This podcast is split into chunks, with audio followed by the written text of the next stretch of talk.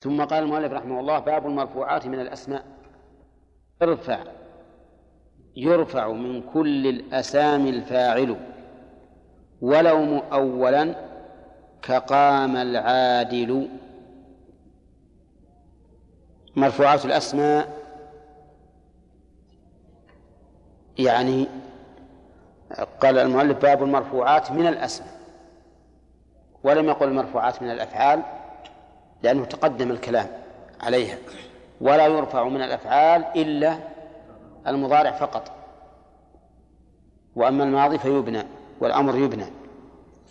طيب ولم يقل باب المرفوعات من من الحروف.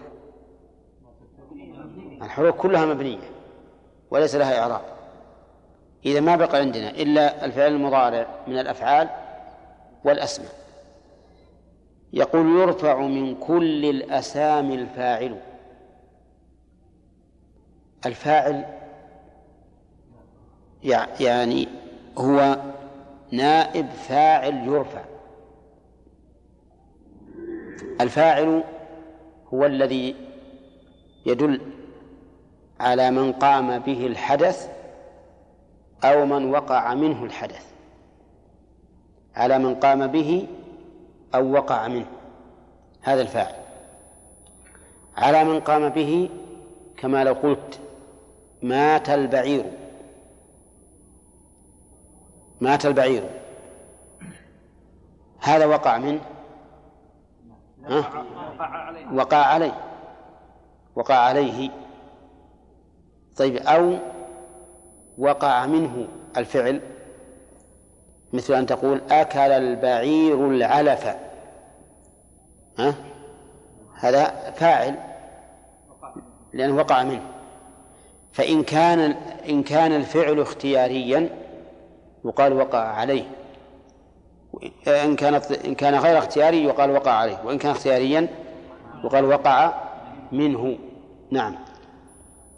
طيب. الفاعل إذن كل اسم مرفوع دل على من وقع عليه الحدث أو منه أو منه. طيب. الفاعل كل اسم دل على من اتصف بالفعل أو وقع منه. على من اتصف بالفعل أو وقع منه. طيب. الفاعل ولو مؤولا. يعني يرفع ولو كان مؤولا. والمؤول هو أن يكون بعد حرف مصدري. بعد حرف مصدري. مثل أن وما وأن. فإذا جاء بعد حرف مصدري يكون مؤولا. تقول مثلا يعجبني أنك قائم. يعجبني أنك قائم. معروف أن يعجب فعل مضارع والنون للوقاية ولا مفعول به. أين الفاعل؟ المصدر المؤول. وإذا أولناه يعني حولنا ما بعد أن إلى مصدر صارت يعجبني قيامك. طيب يعجبني أن تحفظ الدرس. ها؟ أي حفظك الدرس. طيب يعجبني ما فهمت. أي فهمك. والحال المؤول يقال ولو مؤولا وهو ما صدر بحرف إيش؟ مصدري. مثل أن وأن وما. كقام العادل. العادل. قام فعل ماضي والعادل فاعل مرفوع وعلامة رفعه ضم ظاهرة في آخره ها؟ إيش؟ العادل. لا لا غير مؤول. لا هذا مثال الأول مثال الفاعل. المؤول ما مثل له. طيب ممكن نخلي العادل مؤولا. فنقول يعجبني أن تعدل أي عدلك. لكن المؤول ما يقع اسم فاعل. المؤول لا يقع إلا مصدرا. لأنه يحول الفعل إلى مصدر. يقول المؤلف رحمه الله ونائب عنه. اختصر في الفاعل. الفاعل كما نعرف أو كما يعرف بعضكم قد يكون اسما ظاهرا وقد يكون مؤولا وقد يكون ضميرا. أولى طيب. فتقول الرجال قاموا ها؟ هذا ظاهر. ولكنه ضمير. وتقول قام الرجال ظاهر غير ضمير. كذا؟ وتقول يعجبني أن تقوم أي قيامك وهذا مؤول. وتقول زيد قام يكون ضميرا مستترا. وأيا كان فما دمنا نقول إن الفاعل هو ما دل على من اتصل بالفعل أو قام به فسواء كان ضميرا أو اسما ظاهرا صريحا أو مؤولا. نعم. له أحكام الفاعل. ما ذكر المال أولا إذا كان الفاعل مفردا مذكرا. ها. وجب إفراد الفعل وتذكيره. فإذا كان المفرد إذا كان الفاعل زيد يجب إيش؟ أن نفرد الفعل ونذكره. فنقول إيش؟ قام زيد. ولا يجوز أن نقول قامت زيد. فنؤنثه. ولا أن نقول قام زيد. فنثنيه ولا قاموا زيد؟ فنجمعه طيب. إذا كان الفاعل جمعا إذا كان الفاعل جمعا فإن كان فإن كان سالما إن كان الجمع سالما وجب تذكير الفعل في المذكر وتأنيثه في المؤنث إذا كان سالما. فتقول قام الرجال قام المسلمون. ولا تقول قامت المسلمون. هذا هو المشهور. وبعضهم يقول إنه يجوز تأنيثه مع الجمع مطلقا. وتقول قامت المسلمات. ولا تقول قام المسلمات. ليش؟ لأن المسلمات جمع مؤنث سالما. جمع مؤنث سالما وإذا كان الجمع غير سالم جاز فيه التذكير والتأنيث سواء كان لمذكر أو لمؤنث. فتقول قام الرجال وقامت الرجال وقام النساء وقامت النساء. ومن أهل العلم من يرى أنه يجوز في في الجمع يجوز فيه تذكير الف... جمع الفعل قصد تذكير الفعل وتأنيثه مطلقا. كرأي الزمخشري قال لا أبالي بجمعهم كل جمع مؤنث. يقول إن قومي تجمعوا وبقتلي تحدثوا. لا أبالي بجمعهم ها؟ كل جمع مؤنث. كل جمع مؤنث. لهم رجال. وعلى هذا الرأي نقول قام المسلمون وقامت المسلمون. كذا؟ وقام المسلمات وقامت المسلمات. ومن هذا قول شيخ الإسلام ابن تيمية في العقيدة الواسطية فلا عدول لأهل السنة والجماعة عما جاءت به المرسلون. عما جاءت به المرسلون. مع أن المرسلون جمع مذكر سالم لكنه أنثه وقال ابن مالك رحمه الله إن كان الجمع جمع مذكر سالما وجب التذكير. وما عداه يجوز الوجهان. قال والتاء مع جمع سوى السالم من مذكر كالتاء مع إحدى اللبن. والتاء مع إحدى اللبن يجوز فيها الإثبات والحذف. فالحاصل الآن إذا كان الفاعل مفردا مذكرا. ها؟ وش يجب؟ إفراد الفعل وتذكيره. إذا كان مفردا مؤنثا والتأنيث حقيقي يجب إفراد الفعل وتأنيثه إلا في صور مستثنيات يمكن نعرضها فيما بعد. إذا كان إذا كان الفاعل جمعا آه الآن نقف. فمنهم من يقول يجوز التذكير والتأنيث مطلقا. وهذا مذهب من؟ الزمخشري كل جمع مؤنث. فتقول قام المسلمون وقامت المسلمون وقام المسلمات وقامت المسلمات. وقام الرجال وقامت الرجال. وقام الهنود وقامت الهنود. كل جمع. ومنهم من قال كل جمع مؤنث يجوز فيه التذكير والتأنيث إلا جمع المذكر السالم. فيجب فيه التذكير. وهذا رأي من؟ ابن مالك. قال والتاء مع جمع سوى السالم من مذكر كالتاء مع إحدى اللبن.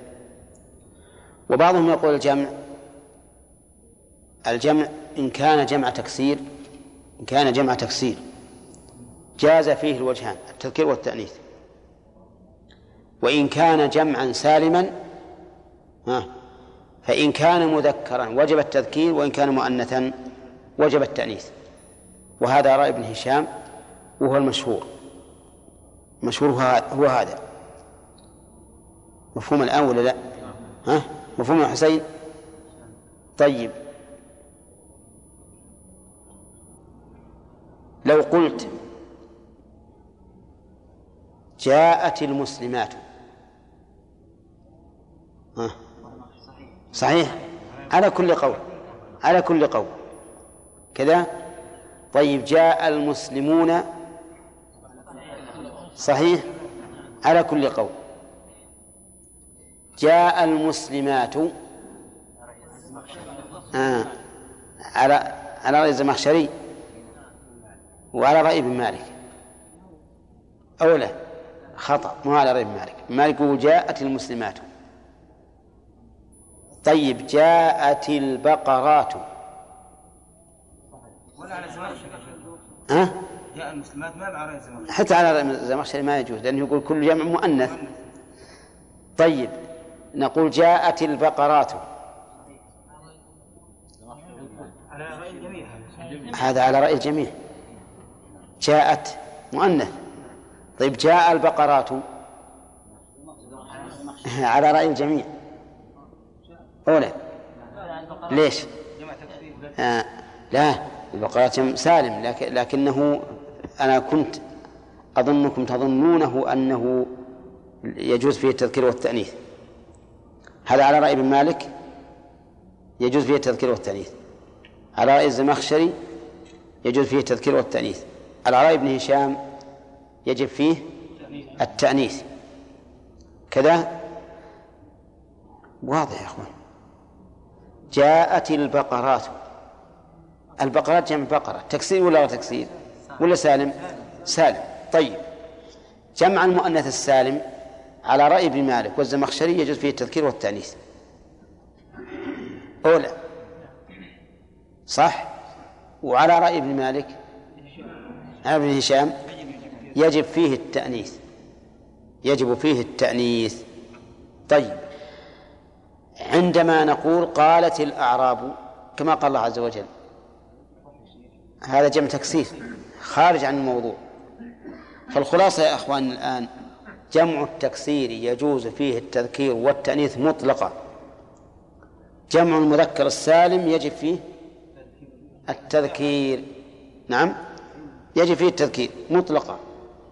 بقينا بجمع المؤنث السالم. نعم لا نشوف. جمع المؤنث السالم يجوز فيه الوجهان على رأي ابن مالك وعلى رأي الزمخشري. وبقينا في جمع التكس... جمع المذكر السالم على رأي الزمخشري. يجب يجوز فيه يجوز فيه التذكير والتأنيث. ها؟ إلا كل جمع. يعني جمع ما في شك الكلام كل جمع عند زمخشري مهما كان يجوز فيه التذكير والتأنيث. حتى تقول جاء المسلمات. جاء المسلمات. كيف جاء المسلمات؟ وشلون؟ يقول نعم جاء هذا الجمع. هذا وجه التذكير فيه. جاء جاء المسلمات. طيب جاءت المسلمون. لا على رجل المخشر صحيح. صحيح. لكن كيف تأويله؟ كيف تأويل جاءت؟ أي الطائفة. ما دام المسلمون جمع كل جمع هو طائفة ولا جماعة؟ فيؤولها على هذا الوجه. ويقول يجوز التذكير باعتبار اللفظ والتأنيث باعتبار المعنى. ها؟ ما في لا ما فيه من القرآن في في جمع مذكرات السالم ما فيه لكن في في جمع التكسير. قالت الأعراب وفيه وقال نسوة في المدينة. قال نسوة في المدينة. لأن النسوة ما هي جمع مذكر مؤنث سالم جمع تكسير. ولهذا ذكرت بالتذكير بالتذكير. طيب فيها أيضا هل يلحق الفعل علامة؟ يعني ضمير يعود على الفاعل. العرب جمهورهم على على لا. وهو أن يجب إفراد الفعل مع مع المفرد والمثنى والجمع. هذا بحث ثالث. البحث الأول في التذكير والتأنيث. البحث الثاني في التذكير والتأنيث وانتهينا منه. البحث الثالث هل يؤتى بعلامة الجمع وعلامة التثنية في الفعل إذا كان الفاعل مثنى أو جمعا؟ نعم. نقول هذه فيها خلاف بين العرب. أكثر العرب على أنه لا يؤتى. فلا تقول قام الزيدان أو قام رجلان ما يصلح ولا تقول قاموا رجال أولى ماذا أقول ها؟ قام الرجلان ها؟ قام رجلان وقام وقام رجال ولكن يجوز على لغة قليلة عبر عنها النحويون بلغة أكلوني البراغيث. أكلوني البراغيث. وكان عليه أن يقول أكلني البراغيث أو أكلتني البراغيث. يجوز فيها التذكير والتأنيث. لكن هم قال أكلوني البراغيث. عرفت؟ هو أراد أن تكون البراغيث فاعل. لكن يجوز إن أردنا أن نلزم بالقاعدة يجوز أن نجعل البراغيث مبتدأ مؤخر. وأكلوني؟ جملة خبر مقدم. والتقدير البراغيث أكلوني. نعم. وهل في القرآن شاهد لهذه اللغة؟ قال بعضهم إن في القرآن شاهدا لهذه اللغة. ومنها قوله تعالى ثم عموا وصموا كثير منهم. قالوا إن التقدير ثم عمي وصم كثير منهم. نعم ولكن هذا ليس بصحيح لأن القرآن لا يمكن أن ينزل على لغة شاذة قليلة في العرب فهو على لغة قريش. ولكن هذه الآية ثم عموا وصموا أضاف الفعلين إليهم جميعا. ثم قال أبدل فقال كثير منهم كقولك أكلت الرغيف ثم تقول نصفه أو كثيرا منه وهذا هو الصواب لئلا ننزل القرآن على لغة شاذة قليلة. طيب البحث الثالث هذا فهمناه جيدا. إذا أسند الفعل إلى غير المفرد لم تلحقه علامة التثنية ولا الجمع. هذه القاعدة. إذا أسند إلى غير المفرد لم تلحقه علامة الجمع ولا التثنية. إلا على لغة قليلة. نعم. نعم مثله. بدل نعم. هذه مثلها. أسروا النجوى ثم بين حال حال هؤلاء المسرين بأنهم ظلمة. فقال الذين ظلموا.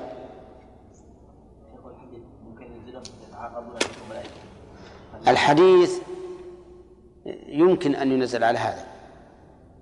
ولكن بعضهم يقول إنه روي الحديث لا على هذا الوجه وهو إن لله ملائكة يتعاقبون فيكم ملائكة في الليل وملائكة في النهار فتكون ملائكة هذه مبتدأ للتفصيل والتقسيم.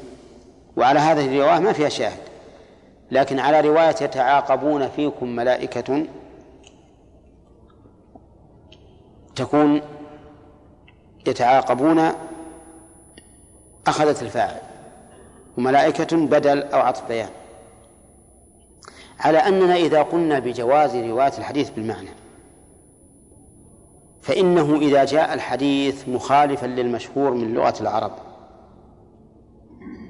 قد نقول إن هذا من باب تصرف الراوي رواه بلغته رواه بلغته. لكن هذا خلاف الأصل. هذا خلاف الأصل. ولا كان نقول هكذا. ما هو القرآن ما يمكن نقول فيه هكذا. لأنه مروي بالتواتر بهذا اللفظ تواتر لفظيا ومعنويا. نعم.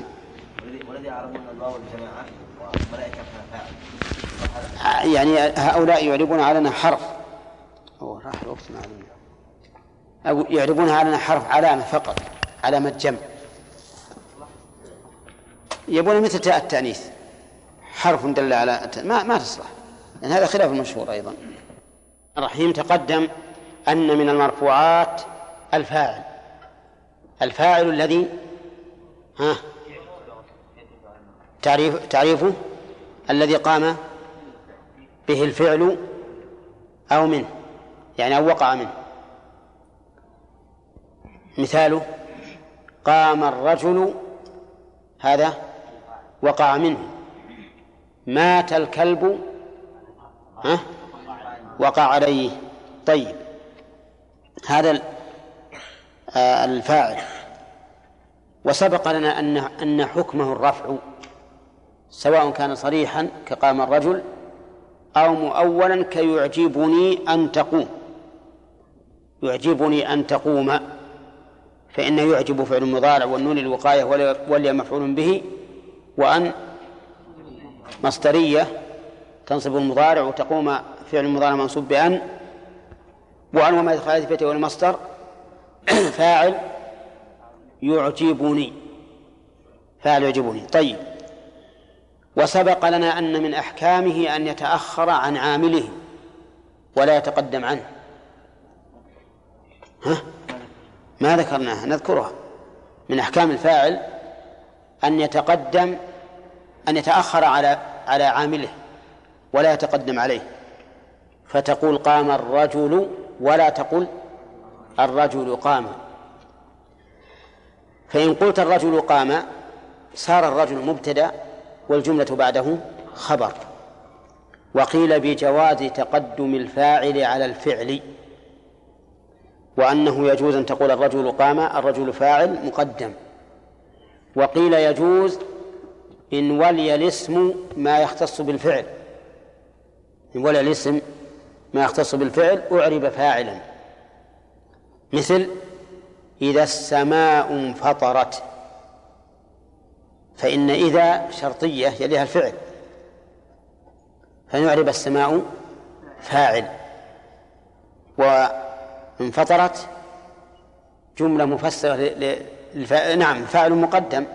يعرب على أنه فاعل مقدم. وانفطر فعل الماضي والتالي التأنيث وفاعله مقدم.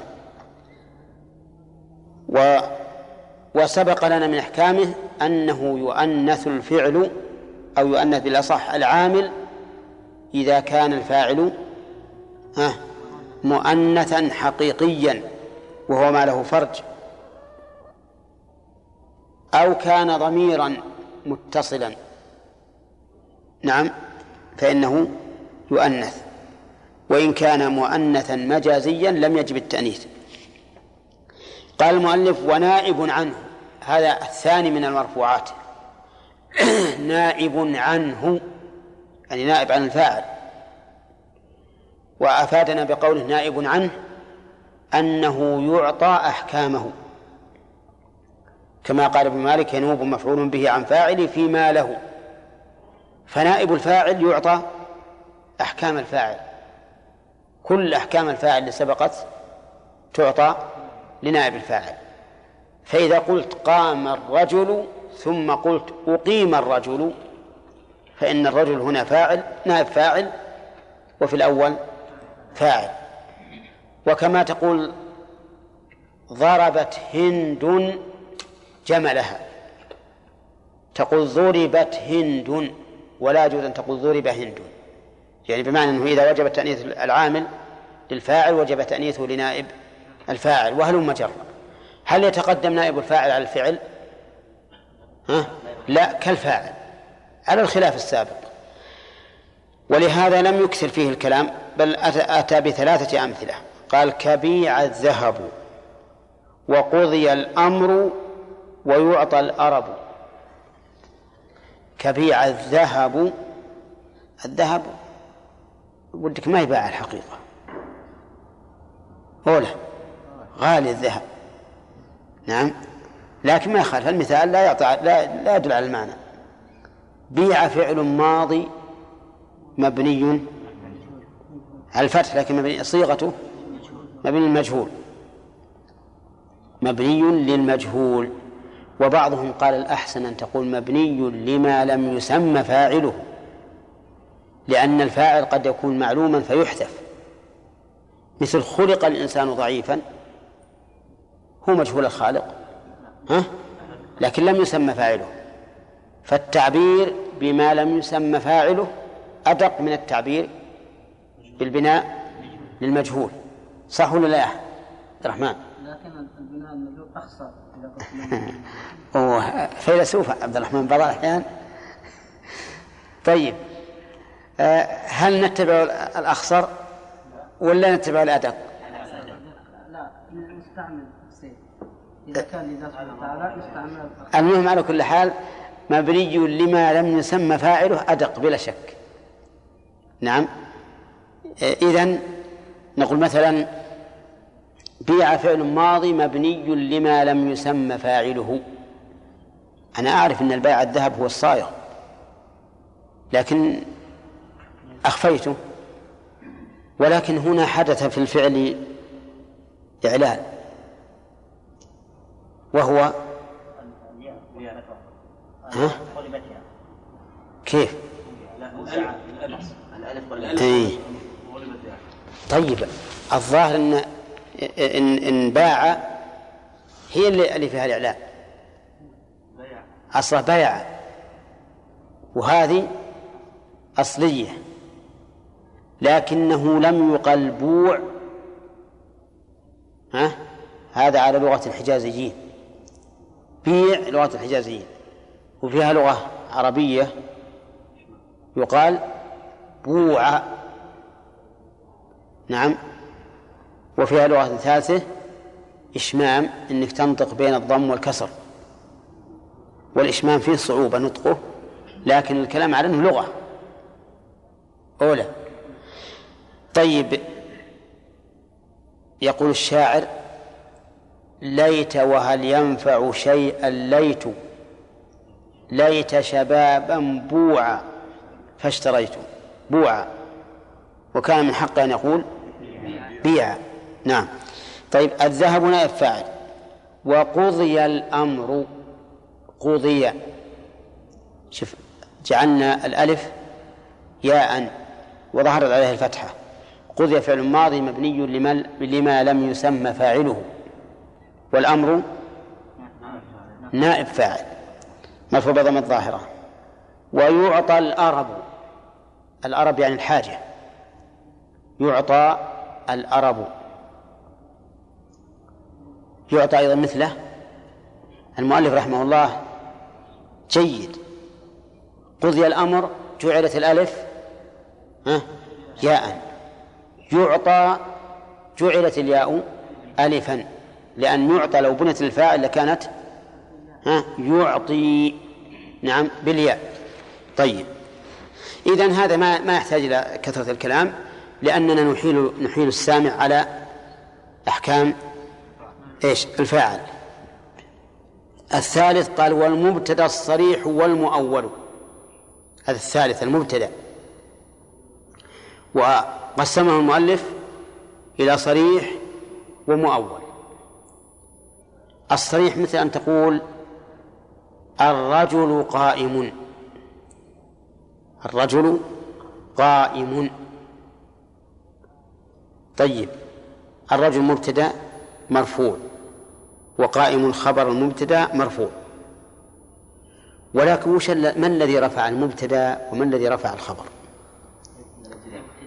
ما نجد لم نجد عاملا لفظيا اقتضى أن يكون المبتدا مرفوعا. ولا. الفاعل فيه عامل لفظي الفعل قام الرجل فيه عامل لفظي لكن المبتدا ما فيه عامل لفظي. وش الذي رفعه؟ قالوا إن الرافع له معنوي وهو الابتداء. قال ابن مالك ورفعوا مبتدأ بالابتداء فالعامل معنوي. طيب وعامل الخبر الذي هو الخبر المفيد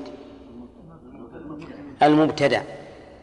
وقال ابن مالك في الكافية وقال أهل الكوفة الجزآن قد ترافع وذا ضعيف مستند وقال أهل الكوفة الجزآن يعني المبتدأ والخبر قد ترافع ولا ولا ضعيف مستند على هذا الرأي يكون العامل في المبتدأ والخبر إيش؟ لفظيا ولا لا؟ ها؟ لفظيا والخلاف في ذلك لفظي المهم أن المبتدأ مرفوع نعم والخبر مرفوع فإن شئت تقول المبتدأ مرفوع بالابتداء والخبر بالمبتدأ وإن شئت كل واحد منهم مرفوع بالآخر والتعاون أظنه أحسن. ولا لا؟ طيب. وإن شئت فقل كلاهما مرفوع بالابتداء ما يهم. طيب. المبتدأ قسمه المؤلف رحمه الله إلى صريح وإلى مؤول. الصريح مثل الرجل قائم. الرجل قائم. الصوم خير من عدمه. صريح ولا مؤول؟ ها؟ صريح. المؤول أن يكون المبتدأ فعلا مست... ما... نعم مسبوقا بأن المصدرية وإن شئت فقل مسبوقا بحرف مصدري يشمل أن وأن. مثاله في قوله تعالى وأن تصوموا خير لكم وأن تصوموا خير لكم. فإن أن تصوموا هذه مبتدأ لكنها صريح ولا مؤول؟ مؤول. التقدير صيامكم خير لكم. وأن تعفوا أقرب للتقوى. أي عفوكم أقرب للتقوى. كذا ولا لا؟ المبتدأ والخبر له أحكام لكن المؤلف ما ذكرهما. لأن الكتاب هذا كما تعلمون كتاب مبتدئين. ولا لها أحكام كثيرة. فتبين بهذا أن المبتدأ والخبر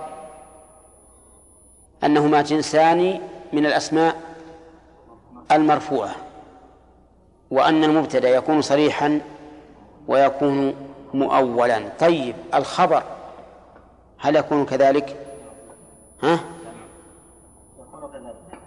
هي يكون كذلك. يكون صريحا ومؤولا. فتقول الخير إحسانك إلى الغير. الخير إحسانك إلى الغير. هذا صريح ولا مؤول الخير إحسانك إلى الغير. صريح؟ طيب. الخير أن تحسن إلى الغير. هذا مؤول إذن فالمبتدأ يقع صريحا ومؤولا والخبر يقع صريحا ومؤولا. طيب يكون الخبر مفردا ومثنى وجمع صح؟ الرجلان قائمان. الرجال قائمون الرجل قائم ويعرف كما عرفتم من قبل. يكون الخبر أيضا المبتدأ مفردا يعني غير جملة. ولا يمكن يكون المفرد المبتدأ جملة أبدا. المبتدأ لا يكون جملة ولا شبه جملة لكن الخبر يكون جملة وشبه جملة كما يكون مفردا فتقول فتقول الوليد أتاه النوم هذه إيش؟ الوليد مبتدأ وأتاه النوم ها؟ الجملة خبر أتاه النوم جملة خبرية.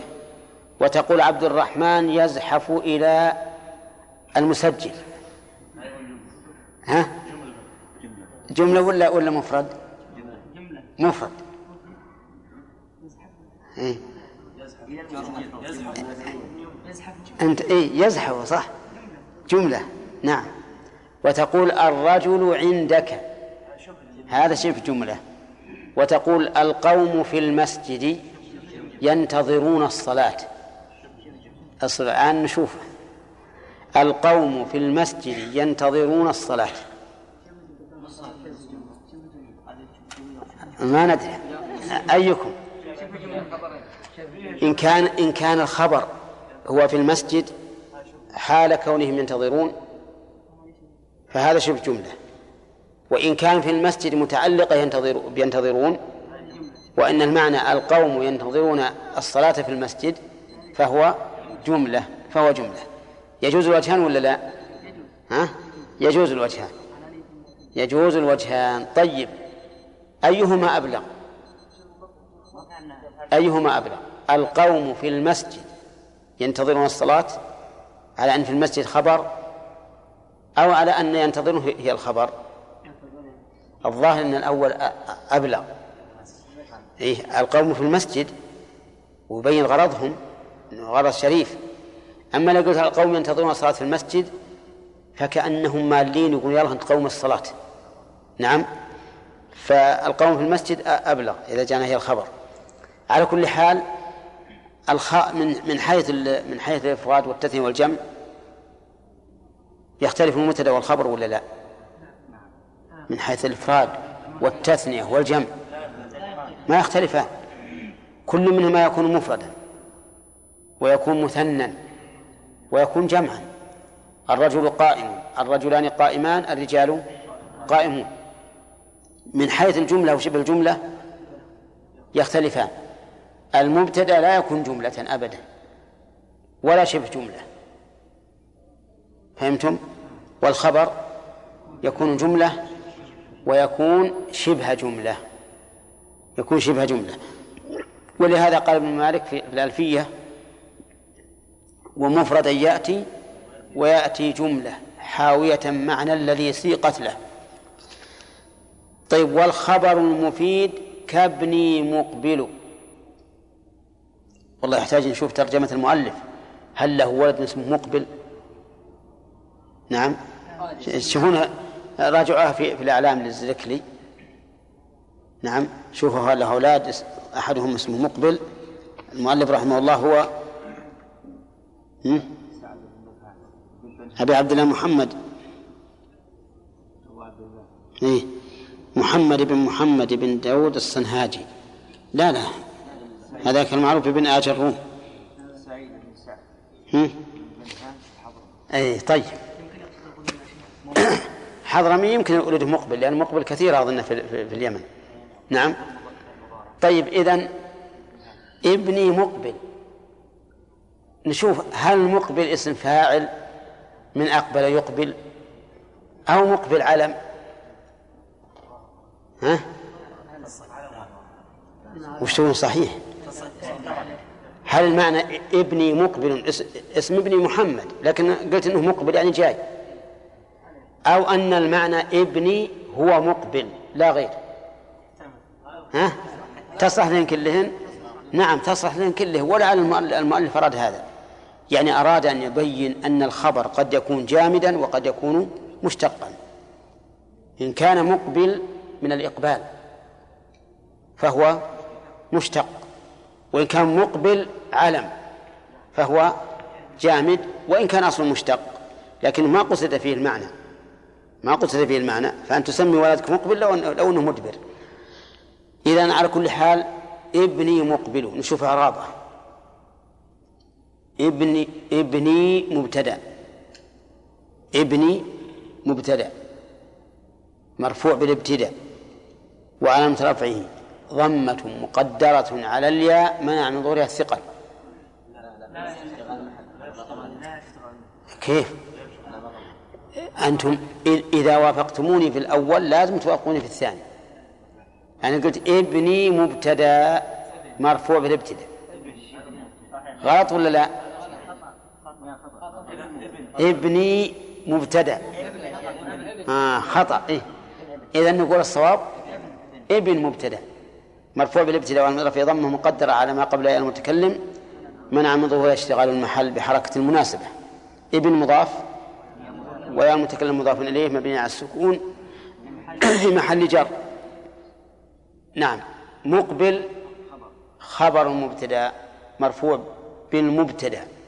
وعلامة رفعه؟ ضمة ظاهرة في آخره. الخبر الآن جملة ولا مفرد ولا شبه جملة؟ مفرد. نعم. طيب كم ذولي؟ الفاعل ونائبه ها؟ والمبتدا والخبر أربعة. والمؤلف يقول إنها أظن سبعة. ها؟ ما قالها لكن هي سبعة. والله أعلم. ها؟ إيه خلاف العلماء. العلماء مختلفون. منهم من يقول إن المبتدا وال والخبر كلاهما مرفوعان بالابتداء. ومن من يقول المبتدا مرفوع بالخبر والخبر مرفوع بالمبتدا. مختلفين. نعم. واسم لكان مع نظيرها. واسم لكان مع نظيرها.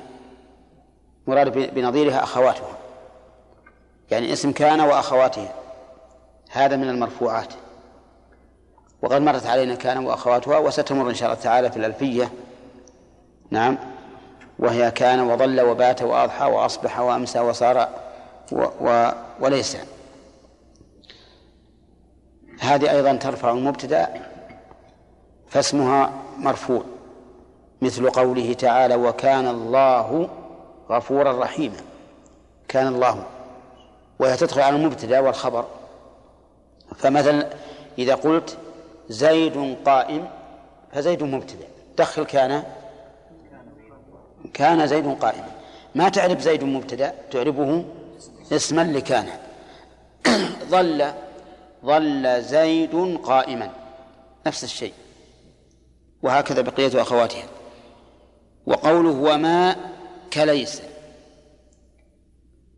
يحتمل أن قوله ماء يعني وكذلك اسم ماء التي كليس. ويحتمل أن قوله وما كليس يعني ما كان مثل ليس في النفي الذي يراد بالإثبات وهي أربعة ما فتئ وما برح وما انفك وما زال. هذه أربعة هي منفية لكنها في الواقع مثبتة لكن الاحتمال الأول أحسن لأن هذه الأربعة من أخوات كان. فقوله ما كليس أي وما التي كليس وتسمى الحجازية. لأنها في لغة الحجازيين تعمل عمل ليس وفي لغة التميميين لا تعمل شيئا هي نافية فقط. فتقول على لغة الحجازيين ما زيد قائما. قال الله تعالى ما هذا بشرا. ما هذا بشرا. فهذا اسم ما وبشرا خبره. وما زيد قائما ما زيد اسم ما وقائما خبرها. لو قال المتحدث ما زيد قائم لكن لا على لغة الحجازيين. نقول على لغة الحجازيين خطأ وعلى لغة بني تميم صحيح. إذن ما النافية التي تعمل عمل ليس إنما يكون اسمها من المرفوعات بناء على لغة الحجازيين أما على لغة التميميين فإنك تقول ما زيد قائم ما زيد قائم.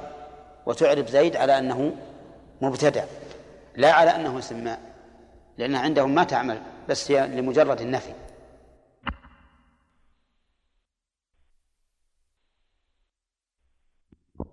فإن قلت ما زيد بقائم فإننا ما ندري هل أنت تميمي أو حجازي. إن كنت حجازيا قلنا زيد اسم ما وإن كنت تميميا قلنا زيد مبتدأ. ولهذا لو جاءنا ثلاثة رجال من أهل اللغة الفصحى. فقال أحدهم ما زيد جالسا. وقال الثاني ما زيد جالس. وقال الثالث ما زيد بجالس. نعرف من أي قبيلة هم؟ ها؟ الأول والثاني نعرف من أي قبيلة. فالأول من من الحجاز. والثاني من بني تميم. والثالث مجهول ما ندري. إذا نقول اقعد بينهم. ولا لا؟ خليك بينهم. تومي إلى واحد الثاني بيد. طيب يقول الشاعر مهفهف الأعطاف قلت له انتسب فأجاب ما قتل المحب حرام. وش هذا؟ تميمي نعم. ويخاطب امرأة. يقول انتسبي مهفهف الأعطاف. قلت له انتسب. فأجاب ما قتل المحب حرام. عرف ولا ما عرف؟ عرف أنها من بني تميم. لأن لو كانت حجازية لقالت ما قتل المحب حراما. نعم. طيب إذن آه، من المرفوعات اسم ما التي تعمل؟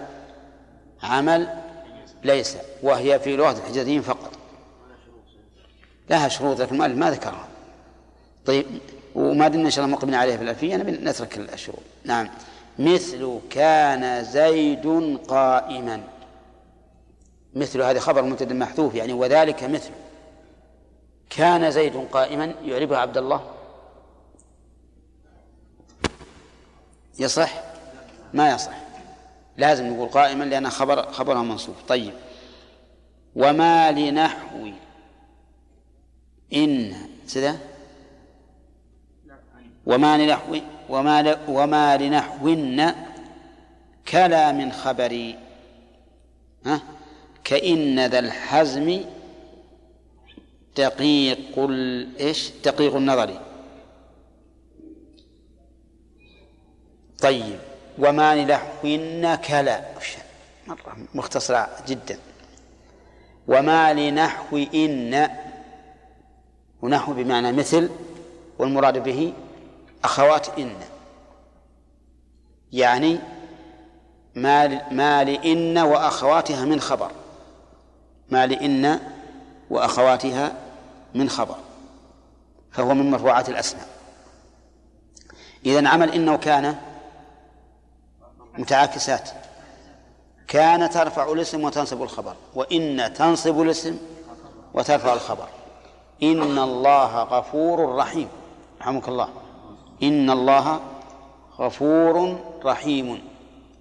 فنقول غفور خبر إن مرفوع بها وعلى رفعه ضمة ظاهرة في آخره. ولو قال قائل إن الله غفورا ما صح. نعم. طيب إذن إن وأخواته. وقوله كلا, كلا مراد به يراد به لا التي تعمل عمل إن وهي لا النافية للجنس فخبرها مرفوع بها. إذن وما وما لنحو نكلا من خبر. وش اشتمل على كم من باب؟ على باب إن وأخواتها وعلى باب لا. النافي للجنس كم فيها من بيت في الألفية؟ كثير. ولهذا المؤلف رحمه الله فيها أنا أتعجب كيف يعني كيف هذه بيقراها طالب علم مبتدئ. ما هو بعارف. لو أردنا أن نشرح على البيتين هذول كان بنقد خمس حصص أو ست. كان وأخواته وإن وأخواته وما الحجازية ولا النافية للجنس. نعم لكن على كل حال هذه إشارات إشارات فقط. يقول رحمه الله كإن ذا الحزم دقيق النظر. إن ذا الحزم سيد عندكم. طيب إن ذا الحزم. الحزم وش؟ ها؟ لكن هل هو مصدر ولا جنس؟ ها؟ هو معروف أن ذو التي بمعنى صاحب ما تضاف إلا إلى اسم جنس مثل مال ودار وما أشبه ذلك. نعم. ولكن نقول وتضاف أيضا إلى المصدر وفوق كل ذي علم عليم. فهنا الحزم مصدر بلا شك. ومع ذلك أضيفت إليه ذا كإن ذا الحزم أي صاحب الحزم دقيق النظر. صحيح هذا؟ ها؟ إي نعم. الإنسان الحازم لا بد أن يكون دقيق النظر وبعيد النظر. ما ينظر إلى الأمور بظواهرها بل ينظر إلى إلى ثمراتها ونتائجها وما ينتج عنها من خير أو شر. ويرفع ويرفع التابع للمرفوع. هذه التوابع. ما شاء الله. اسم كان واسم ما وخبر إن وخبر لا. ومع مع السابقات أربع هذه ثمانية.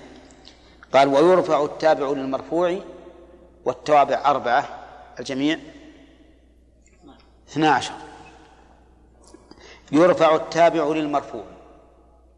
إذ كل تابع فكالمتبوع. صح؟ هذه قاعدة. كل تابع حتى في أمور الدين فهو كالمتبوع. ولهذا المقلد يتبع مقلده. التوابع يقول المؤلف رحمه الله في تعريفها حد عدها وذاك توكيد ونعت وبدل والرابع العطف بقسميه حصل. طيب آه النعوت آه أو التوابع أربعة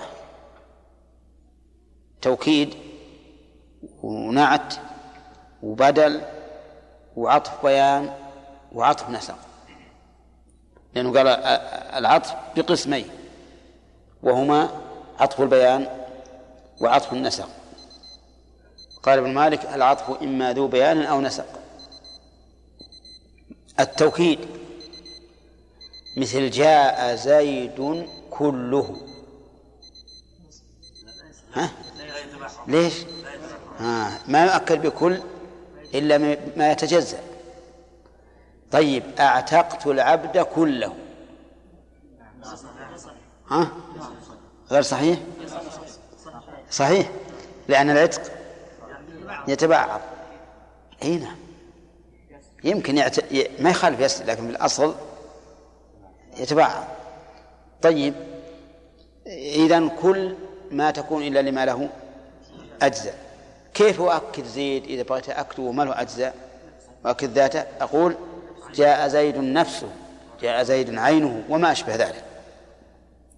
النعت يعني الوصف النعت الوصف.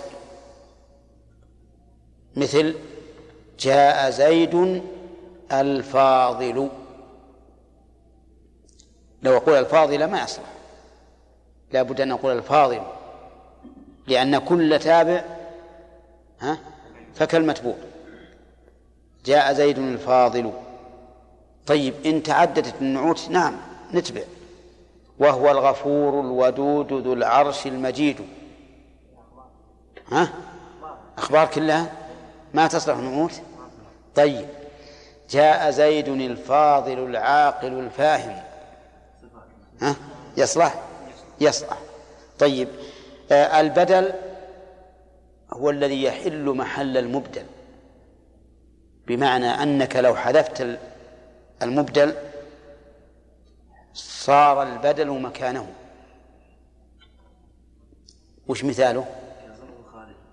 تقول زره خالدا. أصله زر خالدا. تقول قبله يده. قبله يده. لما قلت بالأول قبله يعني هو كله قلت يده. هذه بدل اعرفه حقه. ها؟ اعرفه حقه. حق هذه بدل. لأنك لو تقول اعرف حق زيد صح ولا لا؟ صح الكلام. لو قلت قبل يد زيد بدل قبله اليد. يصح ولا ما يصح؟ لو قلت زور خالدا يصح. طيب خذ نبلا مدى. هذا المشكلة. هذا بدل هذا؟ هذا أيضا بدل. قلت بالأول خذ نبلا. ثم بعدين قلت مدى.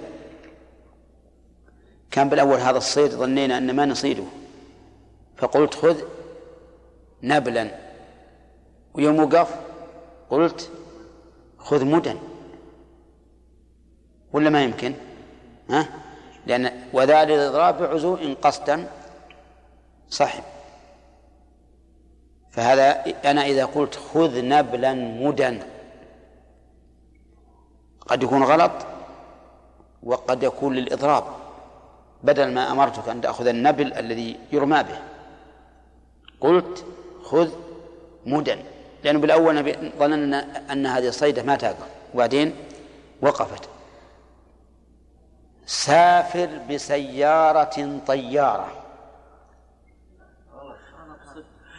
اصبر يا أخي لا. أولا يجوز أن تكون طيارة صفر سيارة. ولا لا؟ لا يمكن. يعني سريعة إي نعم سيارة الطيارة يعني سريعة الواحد إذا إذا صار قالوا هذا فلان ما شاء الله طيارة. طيب. ويجوز إذا كان قصدها الطيارة المركوب المعروف أن تكون غلط أو إضراب. قد يكون قصدت بل أول قلت سافر بطيارة ثم نظرت وإذا الفرصة قليلة. فقلت طيارة. ولا لا؟ إذن البدل وش قادته؟ هو ما يحل محل المبدل منه. كذا فهد؟ ها؟ ما هو البدل؟ إذا قلت مثلا اغسله ثوبه. بدل؟ إي نعم بدل.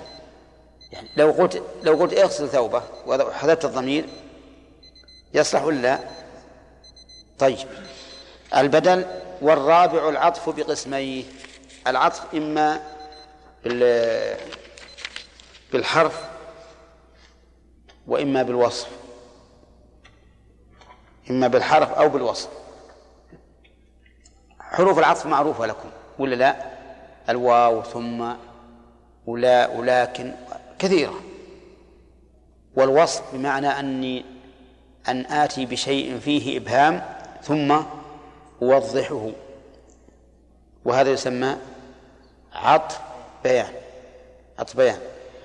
استمع إلى الأمثلة. كأظهر الدين أبو حفص عمر. أظهر الدين ما فيها شيء.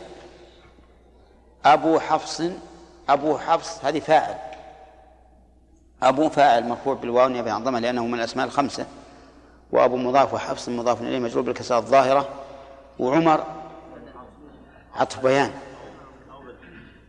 تصل البدنية. لكنها يظهر أنه أراد عطف البيان.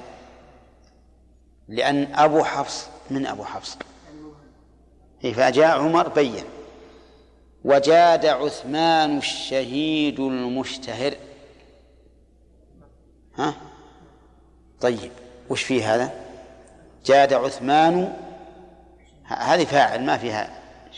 الشهيد صفة المشتهر أو المشتهر صفة أخرى. طيب فأفاد المؤلف بهذا المثال أنه يجوز تعدد الصفات. قال والخلفاء كلهم كرام. هذا توكيد. الخلفاء كلهم أي وش الخلفاء؟ كل خليفة؟ الأربعة. نعم.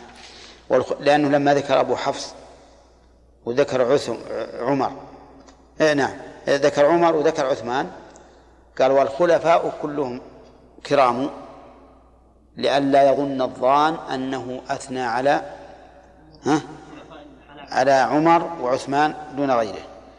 فقال والخلفاء كلهم كرام صديقنا ها؟ بدل منين؟ من الخلفاء. بدل والحيدر الهمام. عطف. نعم. إيه، فأتى المؤلف رحمه الله بالأمثلة كلها. فهذه هي مرفوعات الأسماء. اضبطوها إن شاء الله والأمثلة والإعراب يأتي في المستقبل. ها؟ إيش؟ الإضراب معناها ترك الأول إلى الثاني. المدى جمع مدية وهي السكين. لا. وخذ نبلا النبل الذي ينبل به السهام. بسم الله الرحمن الرحيم. باب المنصوبات من الأسماء. الأسماء تكون مرفوعة وتكون منصوبة وتكون مجرورة ولا تكون مجزومة. والأفعال تكون مرفوعة وتكون منصوبة وتكون مجزومة ولا تكون مجرورة. طيب المرفوعات من الأسماء سبقت. المنصوبات من الأسماء أنواع. قال المؤلف والنصب في الأسماء للمفعول به وهو الذي وقع عليه فعل الفاعل هذا المفعول به. كل اسم وقع عليه فعل الفاعل فهو مفعول به. مثل قال كاستبق الخير. استبق الخير استبق فعل أمر والفاعل مستتر وجوبا والخير مفعول به. اقرأ الكتاب. أين المفعول به؟ الكتابة حفظت الدرس. الدرس. لأن وقع عليه فعل الفاعل. لبست الثوب. الثوب لأنه وقع عليه فعل الفاعل. كذا؟ إذن المفعول به ما هو؟ هو الذي وقع كل اسم منصوب وقع عليه فعل الفاعل. كل اسم منصوب وقع عليه فعل الفاعل فهو مفعول به. واضح؟ طيب. ومصدر ونائب. هذا الثاني المصدر. ويسمى المفعول المطلق. ومعنى المفعول المطلق لأن الذي لا يحتاج إلى متعلق. شف المفعول به المفعول فيه المفعول له. نعم لكن المفعول المطلق ما يقال به ولا فيه ولا له وإنما يقال مفعول مطلق. المفعول المطلق هو المصدر المنصوب. المصدر المنصوب المؤكد لفعله أو المبين لنوعه. مصدر منصوب مؤكد لفعله أو مبين لنوعه.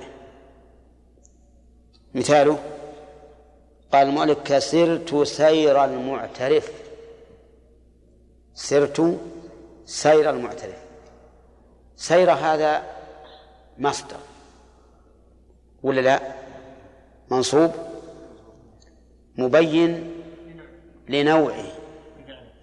مبين لنوع الفعل. سرت سير المعترف. هذا نقول مبين لنوع الفعل. طيب لو قال سرت سيرا ها؟ هذا مؤكد مؤكد للفعل.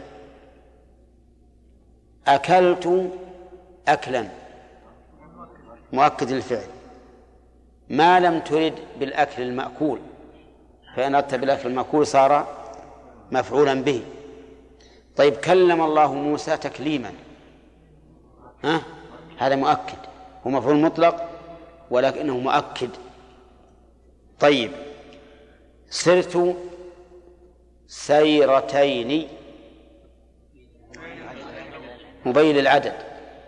مبين للعدد. طيب قال المؤلف رحمه الله ونائب.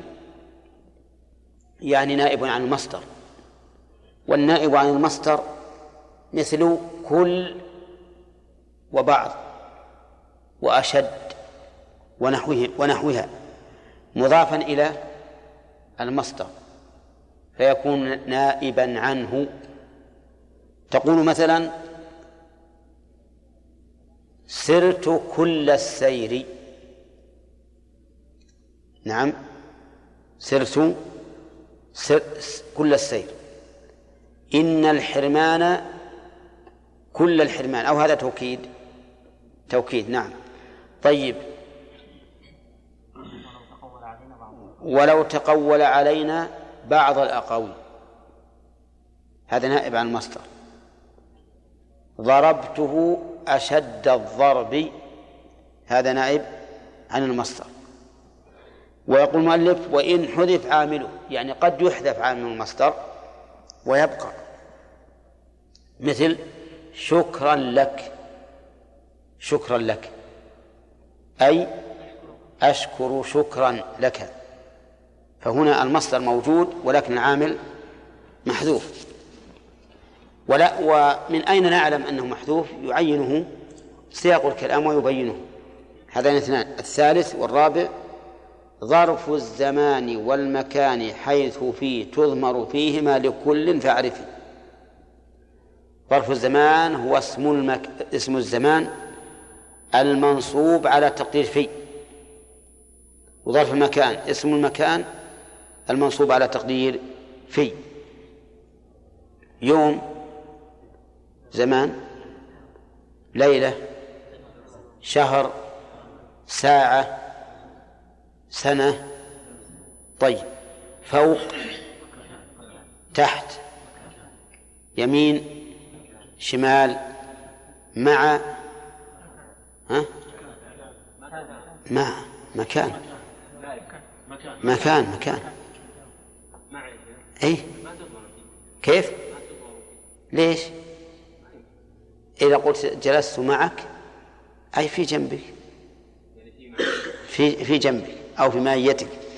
طيب إذا ما دل على المكان ظرف الزمان كل اسم زمان منصوب ها على تقدير فيه والمكان كل اسم مكان اسم مكان منصوب على تقدير فيه وقول المؤلف على تقدير فيه احترازا من من من اسم الزمان أو المكان الذي لم ينصب على تقدير فيه بل وقع عليه فعل الفاعل. فما وقع عليه فعل الفاعل فهو مفعول به. نعم. مثل نعم مفعول به وقد يكون فاعلا وقد يكون مبتدأ وقد يكون خبرا. المهم إنه خاضع خاضع للعلامات أو للأسباب والعوامل. لكن ما كان منصوبا على تقدير فيه فهو الظرف. في بعض ألفاظ الحديث في الفردوس قال وفوقه عرش الرحمن.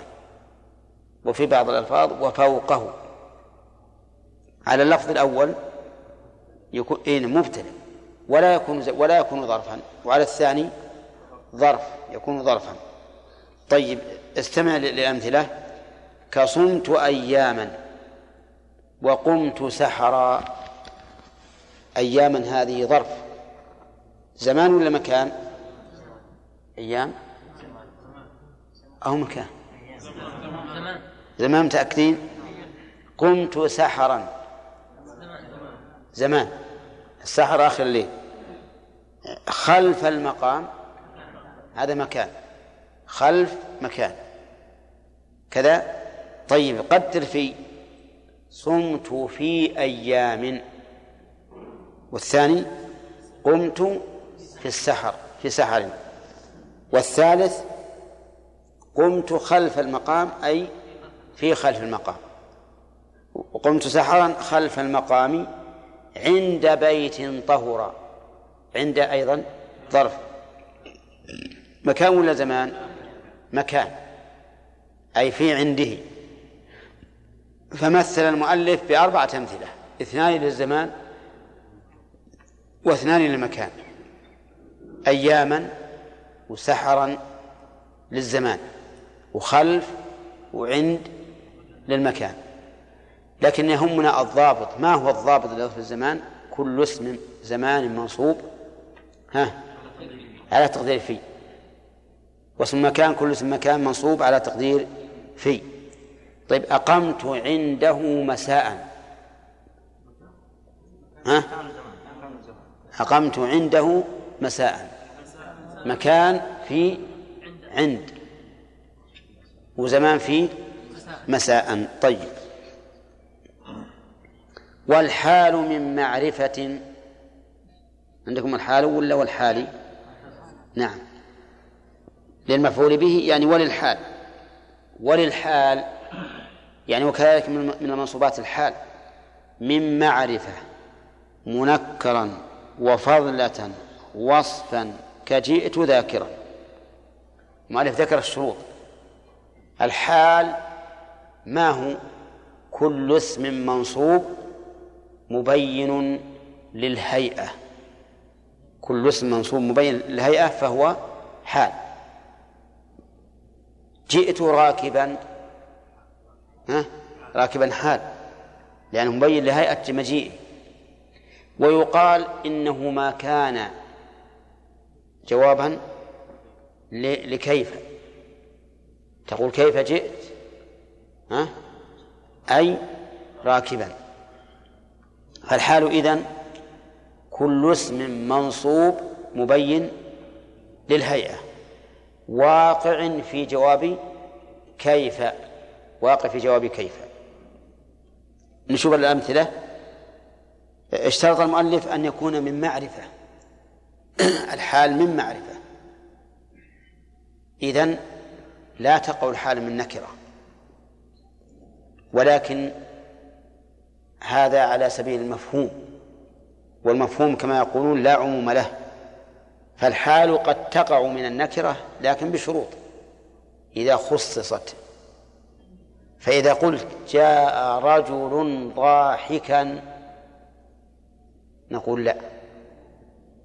لأن رجل ها؟ نكرة ما تأتي منها الحال. لا بد أن تكون معرفة. فصواب العبارة في جاء رجل أن أقول راكب. كذا؟ ها؟ جاء رجل ضاحك صفة إيه تكون صفة. طيب إحنا قلنا راكب. لا تتعدون ها؟ ضاحك سبحان الله. أجل أنا أريد راكب. تقول جاء رجل راكب. ولو قلت جاء رجل راكبا قلنا ما يصلح. طيب جاء رجل على البعير راكب. صح؟ على البعير راكبا. يصح؟ ليش؟ صح.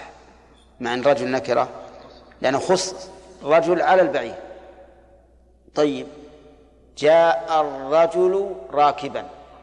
صح لأن الرجل معرفة. طيب ثانيا يقول منكرا.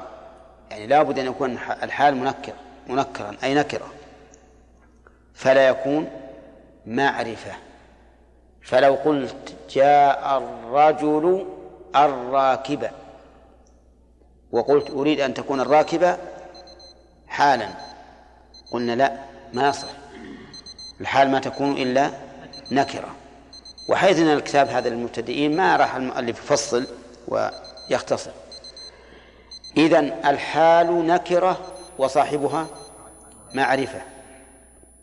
صاحب معرفة. يقول وفضلة وفضلة يعني ويجيء فضله. فلا يكون عمدة في الكلام بل يكون فضلة لكن قد يكون لازما وقد يكون غير لازم. فضلة هو ما هو ما, ما ليس من أركان الجملة. هذا الفضل الذي ليس من أركان الجملة. فلو قلت جاء راكبا جاء راكبا وأردت أن تجعل راكبا حالا. ليش؟ لأنها فاعل والفاعل ركن من أركان الجملة والحال لا بد أن تكون فضلة لا بد أن تكون فضلة والفضلة ما ليس من أركان الجملة وليس الفضلة ما لا بد من ذكره لا قد تكون قد يكون فضلة ولا بد من ذكره مثل يا أيها الذين آمنوا لا تقربوا الصلاة وأنتم سكارى جملة وأنتم سكارى هذه حال فضلة لكن لا بد من ذكرها. أولى. نعم طيب. إذا لا بد أن يكون فضلة. ما معنى فضلة؟ أي ليس من أركان الجملة فليس مبتدأ ولا خبرا ولا فاعلا ولا نائب فاعل بل لا بد أن يكون فضلا بمعنى تتم أركان الجملة بدونه. أيضا وصفا فلا يكون جامدا. لا بد أن يكون وصفا. يعني اسم فاعل أو اسم مفعول أو صفة مشبهة أو ما أشبه ذلك. أما أن يكون جامدا فلا. فإن جاء في اللغة العربية حالا إن جاء حال جامدا فإنه يؤول. مثل قولهم بعه مدا بكذا. مدا أي مكايلة مكايلة جاء زيد أسدا. أسد هذا جامد لكن معناه مشبها للأسد. فالحال ما يكون إلا جامد. ولا تظن أن الجامد هو الذي لا يسير. ها؟ لا يسير. أي لا يكون إلا نعم إلا مشتقا. ولا تظن لا يكون جامدا. الحال لا يكون جامدا. ولا تظن الجامد هو الذي لا يسير. الجامد هو الذي ليس بمشتق. هذا الجامد. والحال وغير الجامد هو المشتق. كم الشروط الآن؟ معرفة ومنكر آه، يكون من معرفة ويكون هو منكرا وفضلة ووصفا. كجئت ذاكرا. جئت ذاكرا جئت فعل وفاعل وذاكرا حال منين؟ من الضمير في جئت. يعني حال كوني ذاكرا. هل هل تصح ذاكرا في جواب كيف؟ كيف جئت؟ فتقول ذاكرا. المفعول به والمصدر ونائبه وظرف الزمان والمكان والحال. ها؟ إن بسطنا صارت أكثر المفعول به والمصدر ونائبه وظرف الزمان وظرف المكان والحال كم تكون؟ هذه ستة ها؟ نائب المصدر هو ما أضيف إلى المصدر ككل وبعض وما أشبه وأشد وأهون وما أشبه هذا هذا نائب المصدر يقول وكل تمييز بشرط كملا كطبت نفسا وكمن عسلا هذا السابع. كل تمييز. والتمييز هو الاسم المنصوب المبين للذوات. مو للصفات المبين للذوات. ويكون على تقدير من يكون على تقدير من دائما. مثل نعم بشرط يعني معناها أن بشرط التمييز. يعني أن يكون مبينا لأن تمييز مصدر ميز أي بين. كطبت نفسا طبت نفسا كلمة نفسا وش؟ لو تعرف إيش؟ تمييز. لأنها مبينة لذات الشيء الذي طاب. الذي طابت نفسي في الواقع. إذا قلت طبت نفسا يعني طابت نفسي. فحول من الفاعل إلى التمييز. كذلك من عسل كيف من عسل تقول عندي من عسلا. تمييز عسلا؟ طيب. وهكذا كل ما جاء بعد التقادير بالكمية أو العدد نعم بالكمية وهو العدد فإنه يكون مصدر سواء الكيل تمييز قصدي الكيل أو الوزن أو العدد. كل ما جاء مبينا لذلك للكيل أو الوزن أو العدد فهو تمييز. تقول عندي من عسل هذا مبين لإيش؟ للوزن. ولا لا؟ المن المن وزن ميزان. عندي صاع تمرا. الكيل كذا ولا لا؟ طيب اشتريت مترا أرضا. هذا المساحة. عندي عشرون رجلا. آه هذا الكيل والوزن والعد والذر الذرع هي المساحة. لكن كان من الأول يقول ذراع والآن يسمونها مترا. نعم. طيب وهو على تقدير من؟ إي نعم على تقدير من. تقول عندي من عسلا أي من من عسل. عندي عشرون رجلا أي عشرون من الرجال. عندي ذراع ثوبا أي ذراع من الثياب وهكذا فقس ثم انت الوقت؟ إي نعم صح. ها؟ المن وزن إي نعم. ها؟ لا المن وزن وزن ما أدري والله كم من رطب. نحن الآن في المنصوبات من الأسماء. وسبق لنا ذكر المرفوعات. آه النصب في الأسماء للمفعول به. هذا واحد. ومصدر ونائب. نعم. وإن حذف عامله كسرت سير المثل. ظرف الزمان. ظرف الزمان هو الرابع. والمكان الخامس. والحال. السادس وكل تمييز السابع كذلك مستثنى الثامن وما لناديه. ها؟ وما تناديه. التاسع. والمفعول له العاشر. والمفعول معه الحادي عشر. ومفعول ظننت الثاني عشر والثالث عشر.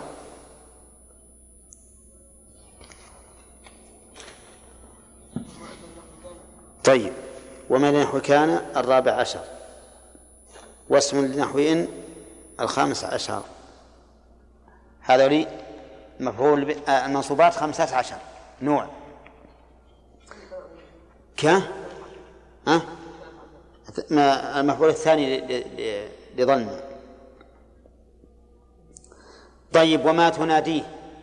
هذا مبتدأ درس اليوم. ها؟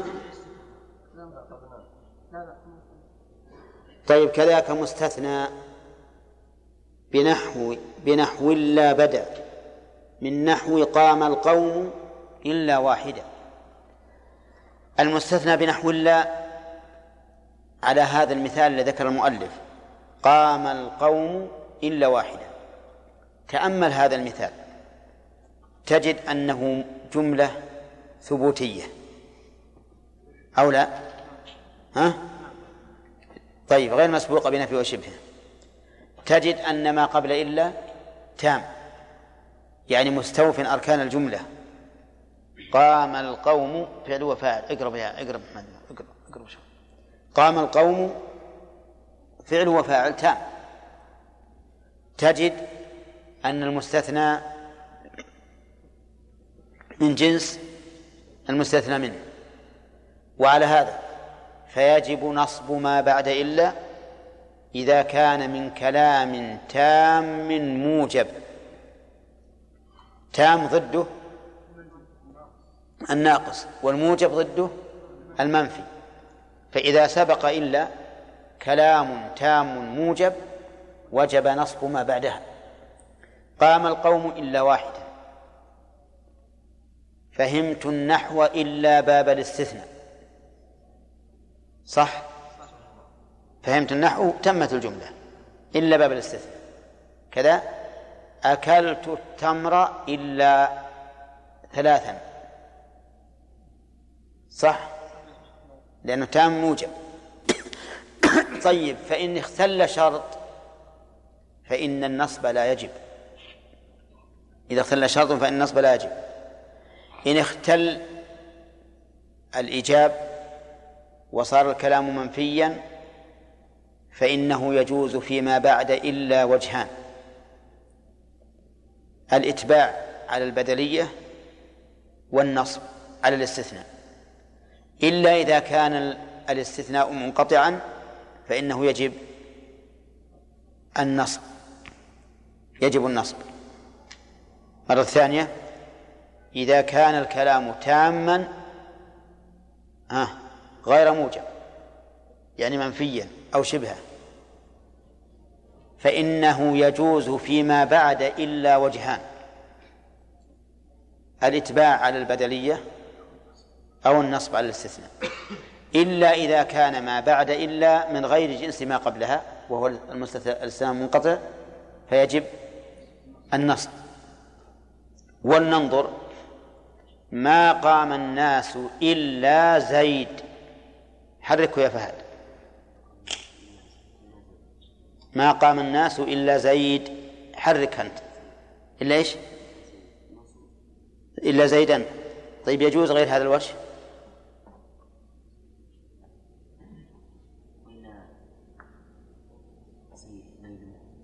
وإلا؟ أو بالجر. ما قام القوم إلا زيد.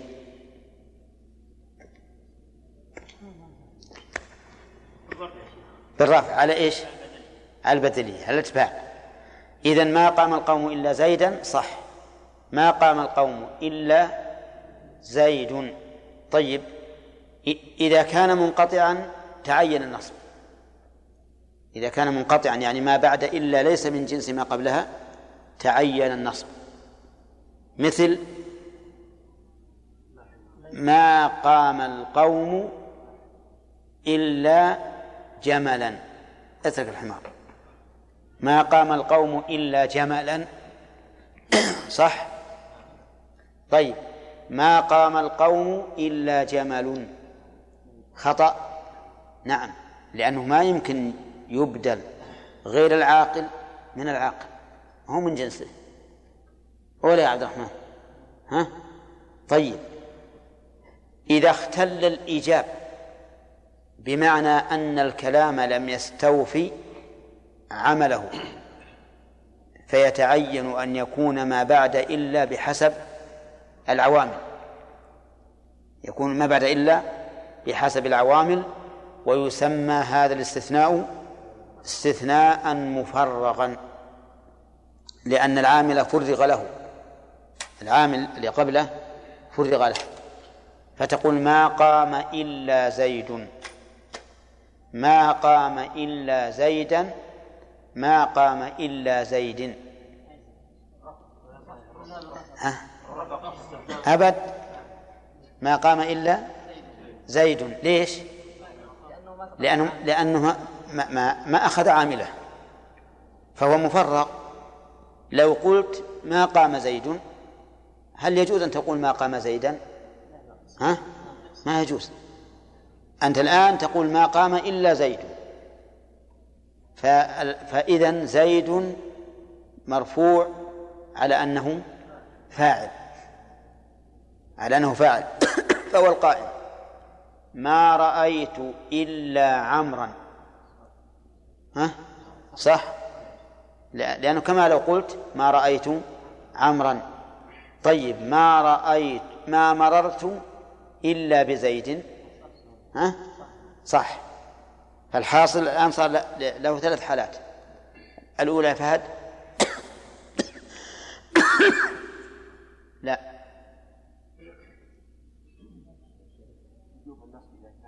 الأولى أن يكون الكلام موجبا. فيتعين النصب على الاستثناء. طيب. الثانية محمد؟